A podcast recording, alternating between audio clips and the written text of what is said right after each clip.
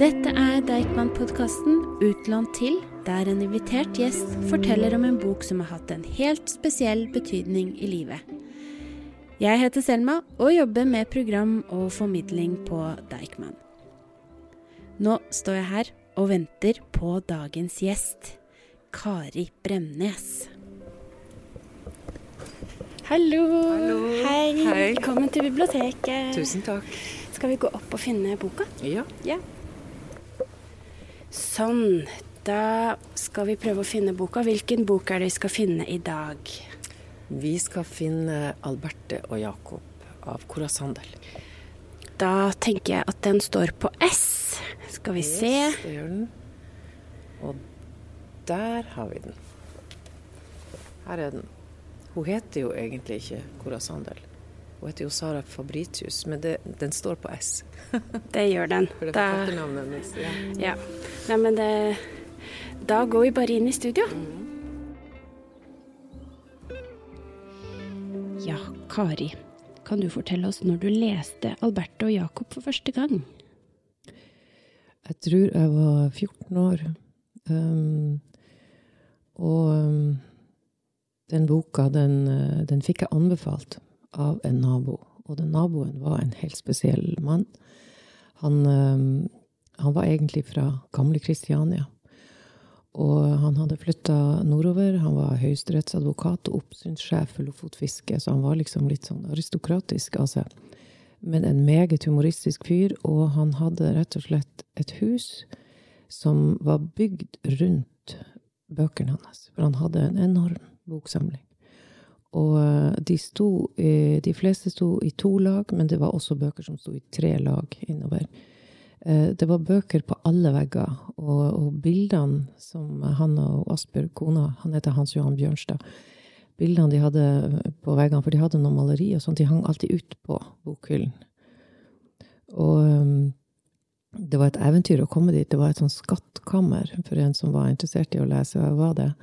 Og han hadde alltid ting han anbefalte for meg. Og han tok ut da, husker jeg en dag, så tok han ut en av bokhylla. Det her skal du lese, sa han. Og ja, det gjorde veldig Det, det, det traff alltid, de tingene han foreslo. Hvem var Cora Sandel? Cora Sandel hun var en eh, hun var en forfatter som debuterte veldig seint. Og det, det syns jeg òg det fant jeg jo ut etter hvert, da, men jeg syns egentlig det var ganske spennende, fordi jeg føler meg litt som en sånn late bloomer sjøl. Og, og tenker at det gir jo håp for mange, det, for hun var jo, hun var jo over 40 år da hun debuterte som forfatter. Og hun, hun, eh, hun var født i 1880, så det er, jo, det er jo rett og slett veldig lenge siden. Um, og eh, hun var maler først, da. Um, eller hun ville være maler. Hun ble vel, hun karakteriserte seg sjøl som en ganske mislykka maler. Men hun vokste opp, hun hadde noen sånn veldig viktige formende år i Tromsø. Og etter hvert så flytta hun eh, hjemmefra og flytta til Paris og levde et eh, ganske fattigslig, egentlig, sånn i økonomisk henseende, liv der, da. Men, men det livet hun drømte om, og, og som var mer Som ikke var så strikt, og som var mye mer fritt. Og traff kolleger fra flere land, og, og kunne dyrke liksom malerkunsten. Men hele tida så skrev hun på sånne små lapper som hun sa hun hadde i en sånn koffert. Og så en dag så tok hun frem de lappene og begynte å ta det litt på alvor. Og, og skrev en novelle først, som kom i 22 i et magasin. Og så kommer hun med Alberto Jacob, som da er liksom egentlig den store debuten hennes, som blir en trilogi. Eh, og den første boka heter Albert og Jakob, og den kom i, eh, i 1926. Så den boka som jeg har lest i, det er førsteutgaven, og det, det er den boka som jeg fikk. For jeg fikk den eh, etter at han, han var død, så ville han at jeg skulle ha de, den trilogien, så den boka jeg har. Men når du forteller om Cora Sandel, så høres det også veldig kjent ut når man har lest Alberto. Eh, Den, eh, Alberte og Jakob virker jo veldig selvbiografisk. Ja, det kan du si. Ehm, jeg tror nok det er ganske mye selvbiografisk i denne. Jeg tror nok at de personene hun skildrer i eh, Hun heter egentlig Sara Fabritius, sa jeg det, men i hvert fall så gjør hun det. Så det var et sånt kunstnernavn hun tok seg. Og, um, og, det var jo som forfatter hun virkelig blomstra og slo igjennom og fikk et Jeg fikk et ordentlig forfatterskap, mer enn hun fikk uh, som maler, da. Uh, selv om hun egentlig hele tida snakka om at det var egentlig maler hun skulle være. Men, men, hun jo Hun fikk jo veldig fine anmeldelser også da hun kom med denne her. Men det er, det er en Det er absolutt mye sjølbiografisk i den. Fordi at Alberta Jakob er ei bok som handler om Eh, det handler vel egentlig om ett år i Tromsø av hennes liv, da. Da hun er ung, og hvor gammel er hun her? Altså, jeg kan tenke meg hun kan være en Kanskje hun er en 14-15, et eller annet sånt. Um, og, og, hun forteller veldig fint om um, Hun forteller mye om naturen, hun forteller om lyset spesielt. Og, og noe som hun spesielt forteller om, er at hun syns det er så djevelsk kaldt hun går og fryser hele tida, egentlig. Og de har ikke så god råd. Eh, de må spare på ting, og de må spare på kull, og de må spare på forskjellig. Og jeg har for eksempel ett sånn avsnitt som jeg syns sier noe om hvor kaldt det var, eh, og hvordan hun sneik seg til å fyre i ovnen, som jeg godt kan uh, sitere. Altså, hun, må rett og slett stjele um, ved vedkasten. Fordi alle har ovner på rommene sine, sånn til å legge i ovnen. ikke sant? Det var jo det som var den hovedkilden. Det er vel kanskje sånn det blir hos oss også etter hvert, som disse strømprisene. Men hun snakka om at um, ved vedkasten bøyer Alberte seg liksom tilfeldig og plukker opp vedtrær og never i sitt skjørt. Til dette sier Jensine intet. Jensine er ei som jobber hos Ida. Hun bare ser på henne fra siden og kremter, menende. Hun kremter en gang til da Alberte setter seg i bevegelse med sin fangst. Et foretagende fylt av farer, selv for den som er forfaren i at passerer dører lydløst. Det er mørkt, og en ulykke kan lett være ute. En gang falt et vedtre ned på ferden gjennom spisestuen. Det hadde høyst ubehagelige konsekvenser, men den som intet våger, vinner intet. Oppe på sitt værelse tenner hun i ovnen, og når neveren begynner å sprake og krølle seg, blir verden en annen. Ett etter ett legger Alberte vedtrærne på og kjenner en vill og sterk glede ved å se flammen slå opp omkring dem. Så lister hun seg på tå ned i pappas kontor for å stjele kull. Og, og, og, det hun er redd for, er jo at foreldrene skal oppdage det, for at de har ikke så mye brensel. Så hun tenker at en gang så kommer hun til å bli grusomt straffa for det her. Men det, det er skrevet såpass Altså, det, det er også med, med humor. Så det er liksom ikke bare mørkt og kaldt. Men hvorfor eh, har de så dårlig råd? Ja, det kan du si. Altså, jeg tror folk flest hadde vel egentlig dårlig råd generelt. Og, men uh, faren hennes er, er sorenskriver, og man skulle jo tro at de hadde. Men uh, det viser seg jo det at han er egentlig forflytta nordover som en slags forvisning. Eller han fikk en stilling fordi at han ikke kunne helt skjøtte sin økonomi der de egentlig bodde. Så da flytta de nordover, så han kunne få den. Uh, og det er jo sånn at det er én forsørger, ikke sant. Og damen uh, skal holde huset og sånt. Og det der med å være dame i et sånt hus der, der du verken har vaskemaskin eller uh, varmt vann eller bren nok brensel, det, det, var en egen jobb, altså. Men, men han er jo en, da, som drar inn penger. Og de, de var to søsken, og de hadde de hadde tydeligvis eh, dårlig råd. De måtte spinke og spare, og han hadde nok ikke så høy lønn. Ja, du nevnte søsken, fordi Jakob, hvem er det? Jakob det er broren til Alberte. Og han er den som egentlig sliter seg litt. Fordi at Alberte går jo der og, og drømmer seg bort. Og har forferdelig lyst til å gå på skolen, og veldig lyst til å, å se litt av verden. Og Jakob rett og slett slutter på skolen og, og reiser ut. Han reiser til sjøs. Og det er jo en forferdelse som går gjennom hele familien når han faktisk gjør det der. Og de tror jo ikke at det er mulig. Og mora legger seg og, og har hodepine og, og, og gråter, og det blir et fryktelig dårlig stemning. Eh, det er jo egentlig ganske dårlig stemning i hele, i hele den barndommen. Og, eh, men han, han, er den som rett og slett eh, sliter seg og frigjør seg og, og drar ut. Og det er jo, en, eh, det er jo noe som Alberte syns Altså, det, hun, hun syns jo det er helt skrekkelig å være uten han, men allikevel så, så tror jeg hun, hun skulle ønske hun kunne gjøre det samme.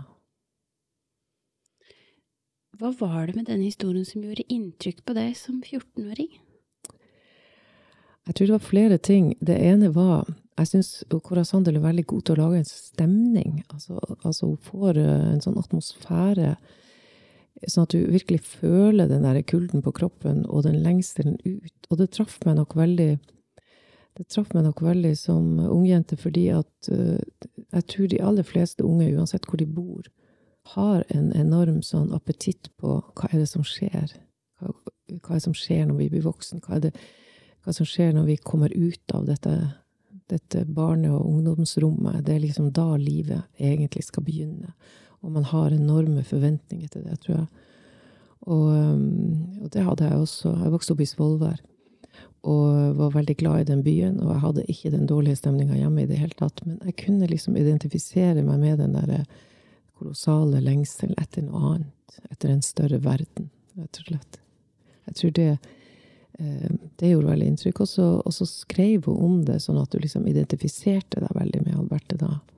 Alle de tingene hun ikke fikk lov til, og var for ung til, eller var for Altså, hun ble eh, Hun gikk jo der som en slags uh, fange uh, i et samfunn, i en, i en, situasjon hun ikke kunne påvirke, egentlig. Fordi at hun ville jo egentlig gå videre på skolen, men det kosta jo noe å gå videre på skolen, og det, det hadde de ikke råd til. Så hun søkte seg en post som sånn guvernante på Røst, og det Den fikk hun ikke, da. Og det var jo et kjempeslag i trynet at hun ikke fikk, fikk den. Eh, bare, fordi at hun måtte liksom et annet sted. Jeg tror nok det var mye av den stemninga hjemme som gjorde at hun, at hun ønska seg et annet sted. Hadde de hatt en litt hyggeligere eh, tone, så, så, hadde det, så hadde hun ikke vært så uutholdelig. Men eh, det var, det var, noe i hele den beskrivelsen av natur og av å være i dette i denne verden som jeg kjente meg igjen i, i den store forskjellen på lys og mørke, eksempel, og hvordan du er underlagt naturkreftene. Fordi at uh, vi er jo vokst opp som er, er fra Nord-Norge, og særlig kysten. Så, det, så, skjønner vi veldig fort at det er ikke vi som kan bestemme om båten går, eller eller om vi kommer oss på skolen, eller om Altså, det, det er noen sånne sterkere krefter enn oss der. Og det, det syns jeg hun får frem veldig godt. Og får hun samtidig frem den der enorme gleden som, som hun, eh, Alberte da har over å gå ut i naturen, og, og når sola kommer tilbake, og sommeren er der, hvordan det forandrer alt og forgyller alt. Og det syns jeg hun skriver så fint om. Kunne du lest sånn at vi fikk Eller opplevde vi også? Ja. Skal lese litt om sommeren. Vent litt.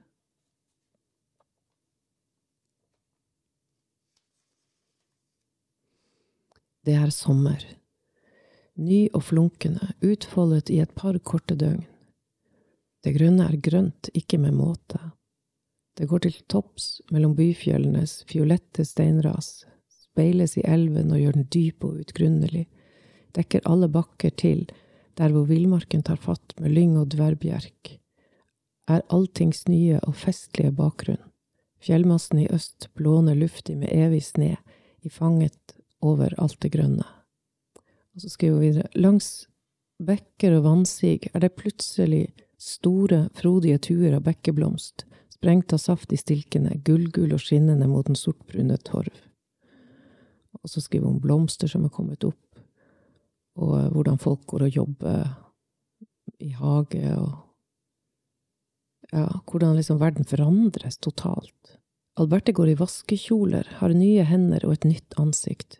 Hun går visselig bakgater, men også i bakgatene er det sommer med gress langs rennesteinen.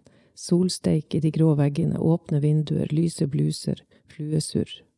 Og hun går ikke bare bakgater, hun går innover myrvollene forbi grønligårdene, inn dit hvor fjellverdenen så smått begynner. Myrull og multeblomst vifter i vinden mellom røsslyn og dverbjerk. Det er så fint. Har Alberto Jacob inspirert deg som tekstforfatter? Det kan godt hende, fordi at uh, hun er veldig god på observasjoner. Hun, uh, hun sa sjøl etterpå i et intervju at, at det kanskje var for mange detaljer her. Og det er det jo. Det er jo et mylder av detaljer, fordi hun er en enormt skarp observatør. Så hun skriver om natur, og hun skriver om menneske, den menneskelige natur også. Og får med seg Du har følelsen av at hun går der som en sånn åpen uh, sil. At liksom alt bare kommer uh, Alt kommer inn i henne. At hun ikke kan verge seg mot noen inntrykk. Og det kjenner jeg nok litt igjen. Og de observasjonene der det, det også er plass til egentlig humor midt i, midt i alt det som er vanskelig og tungt, og sånn, så klarer hun alltid å ha en slags litt sånn komisk blikk på noe. Og ser liksom eh, Og ser verden også i en slags komisk skjær, midt i det store, alvorlige. Det har jeg veldig sans for. Er du sånn selv? Ja, det tror jeg. Jeg tror egentlig at jeg har litt lett for å gå ut og inn av rom. Altså, det er jo noen som er sånn at hvis de er lei seg, så er de bare lei seg. Og da er det liksom mørkt. Mens jeg er sånn som kan bli veldig Jeg kan nok bli ganske mørk, men, men det er alltid plass for uh, Alltid muligheter for en latter eller et, et eller annet som, som, plutselig blir litt komisk, og som jeg ikke klarer å la være å legge merke til. og det, det er jo flaks at man har det litt sånn, da. Er ikke det også litt typisk for Nord-Norge og nordnorsk kultur? Å se humoren midt i det aller vanskeligste? Jo, jeg opplevde det sånn. Fordi at uh, det er jo ganske Det har jo vært i hvert fall ganske harde kår, ikke sant? Og, og folk har hatt lite generelt. Og, og, det har alltid liksom vært en sånn der eh, Hvis det f.eks. det er storm, og du kommer ingen plass, og du står fast med alt, og så er det alltid en eller annen replikk eller noe som gjør at folk flirer, og, og, og får et samhold og får en, en Ja. Jeg, jeg syns det Jeg tror hun har fanga mye av den der nordnorske kulturen i det. Det omskiftelige, akkurat som, akkurat som klima og vær og sånn er veldig, og lys og mørke har store skift. Så jeg opplever også at det er sånn ganske mye i menneskenaturen der. Ja, Alberte, stakkars, har det ikke så lett. Og hun har jo veldig anstrengt forhold til foreldrene sine, og spesielt moren. Hvorfor tror du moren er så hard mot Alberte? Og jeg tror, stakkars den mora, jeg tror at hun har en uh, hun, Altså, hun, hun, hun, sier jo Alberte at hun føler seg som en sånn evig skuffelse. At hun egentlig skuffer mora si hele tida, også ved, ved, hvordan hun ser ut.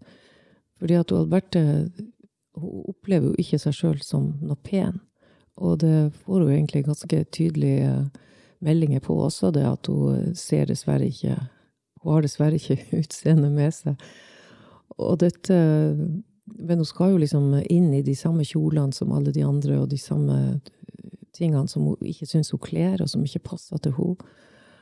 Og, og, jeg tror mora, mora, var jo en sånn, forstår vi, hun var en sånn som liksom gjorde suksess på ballene og rundt omkring, og kunne konversere og alt det der. Mens Alberte er jo enormt forknytt.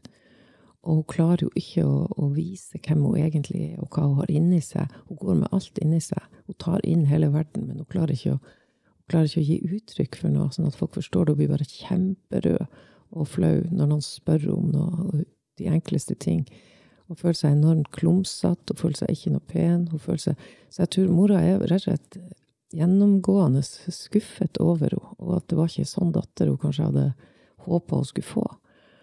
Eh, fordi at eh, det du kan håpe på som, som dame, da, på den tida der, sånn på eh, slutten av århundret, forrige århundre, er jo liksom å bli gift. Og få gjøre et godt parti. Og, eh, og, man så vel ikke helt liksom, hvordan hun skulle klare det, da, med de eh, Ikke var hun liksom uh, veldig sosialt eh, smooth, og, og, ikke hadde hun da dette utseendet man skulle ha. Så, så, de så ikke helt for seg hvordan, hvordan hun skulle klare seg, tror jeg, rett og. Og så var vel mora ikke så glad i å bo i Tromsø.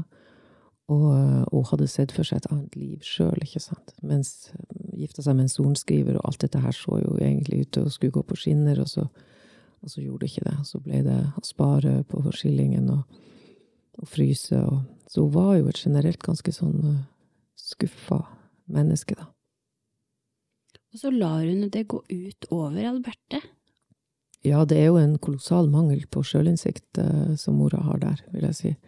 Så hun, hun kunne jo tatt seg litt sammen og prøvd å, prøvd å gjøre sitt til, til stemninga. Men jeg tror at det virker som at mora og Alberte er veldig forskjellige. For det virker ikke som mora har det blikket på Men hun er jo snill også innimellom. Har litt forståelse for andre og, og, og sånn. Men hun, hun, klarer, hun, ser vel på Alberte som en forlengelse av seg sjøl. En litt sånn mislykka forlengelse av seg sjøl.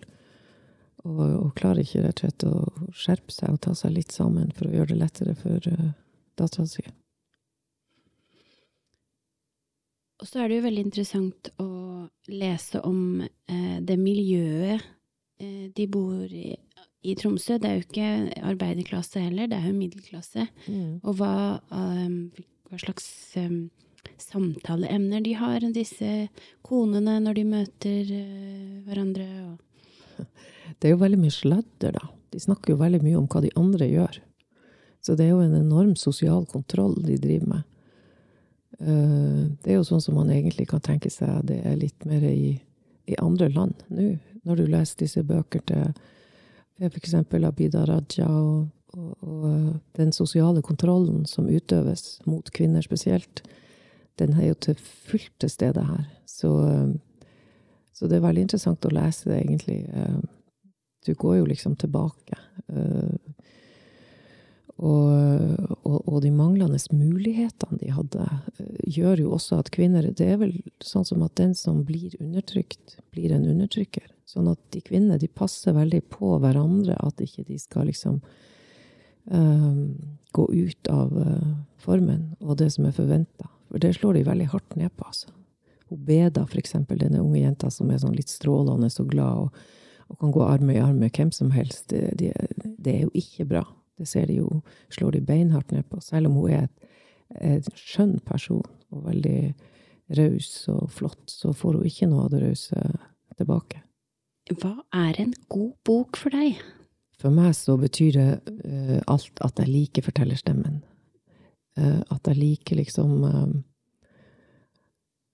at en snakker til meg eh, som at, sånn som jeg, at jeg opplever at uh, ja, her, her, er det noe sant som sies, og her er det noe Jeg er ikke noe veldig opptatt av Jeg leser ikke noe særlig krim, for eksempel, fordi at jeg er ikke så veldig opptatt av hvordan det går, men uh, mer hvordan det foregår. Han, han Gøran Tunstrøm sa det også en gang, den svenske forfatteren, at uh, han var mer opptatt av hvordan det går for seg.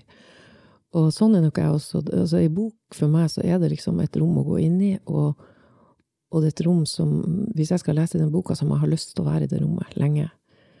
Og um, bare i selskap med den fortellerstemmen. Det er, den som, det er det som betyr noe for meg når jeg leser en bok.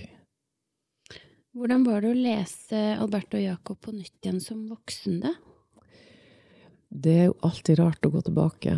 Det er jo uh, liksom over 40 år siden, og jeg tenker at det er jeg syns det var litt overraskende eh, hvor langsom jeg opplevde den boka nå. For nå går jo ting litt fortere generelt, og også i litteraturen så kommer du liksom litt kjappere til. Den var langsom og veldig detaljrik. Uh, så jeg syns det tok litt uh, tid før jeg kom inn i den. Um, men så var jeg inni der, og, og, hadde lyst bare å fortsette å, å være der. Men, eh, men det, det, merker jeg som en forskjell, at uh, den er skrevet i en tid av folk som leste bøker, antagelig hadde færre bøker å lese og hadde bedre tid. Ville du ha anbefalt denne boka til en 14 år gammel jente i dag? Ja, jeg ville det, faktisk. Jeg ville det. Jeg syns den uh,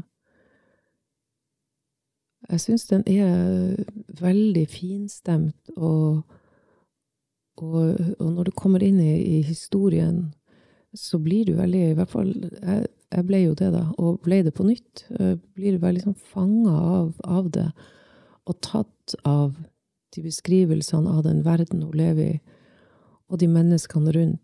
Um, og jeg syns den sier noe Den sier noe veldig viktig viktig om, om å leve sånn.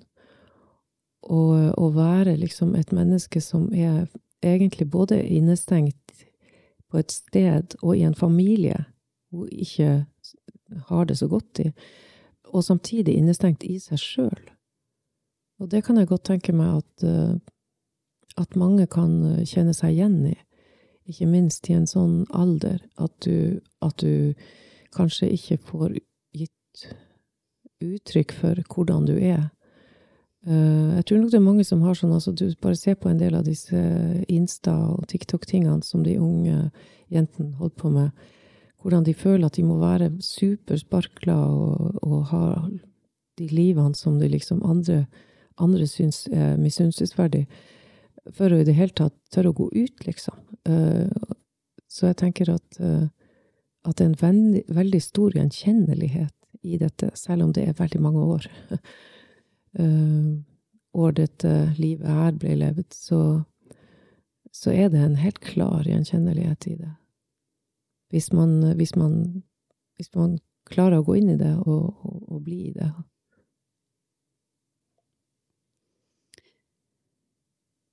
Du har jo selv et eh, veldig godt forhold til Hurtigrute. Mm. Eh, som du har delt eh, med oss eh, som hører på musikken din. Men det har også Alberte. Ja, faktisk. Um, og jeg syns hun sier det ganske godt, for hun skriver liksom at hver båt sydfra bringer nye mennesker. De går i gatene og har en annen gang enn de hjemmeværende, ser trygge og selvsikre ut. Og det, det kjenner jeg veldig igjen, at, at det, Svolvær var jo et annet sted uh, på 60-tallet enn det er nå. Nå er det jo liksom hoteller og, og Porsche-folk overalt. Men, men, da var det jo Det var en liten by, og da, og da Hurtigruten kom, så var det en begivenhet. Det var, det var liksom hvem er det som kommer? Og, og hun beskriver jo nå liksom de som går, og, og, hvordan de ser ut, og hvordan de kommer sånn sjølsikkert inn her. Og den følelsen hadde vi også. Det var liksom den store verden, ikke sant. Men hun skriver også noe sånn fint om uh, om hvordan den ser ut. Hun skriver Nå vugger den ute på Ose, festlig og eventyrlig, i dunkel silhuett, med alle lys tent, omflytt av månen, en lystbåt på Lagio Maggiore. Og Lagio Maggiore er jo en sånn innsjø mellom uh, Sveits og Italia. Men det var litt den feelingen du hadde da, at å, wow, liksom, du ser den, den som en sånn pynta, nydelig, sort-hvitt og med lys på og sånn. Den, det var uh, det var et eventyr. Det var det. Og det skriver hun. Tusen takk til Kari Bremnes. Veldig hyggelig å få besøk av deg på biblioteket. Tusen takk for at jeg fikk komme. Og um, Alberte og Jakob kan man låne på biblioteket.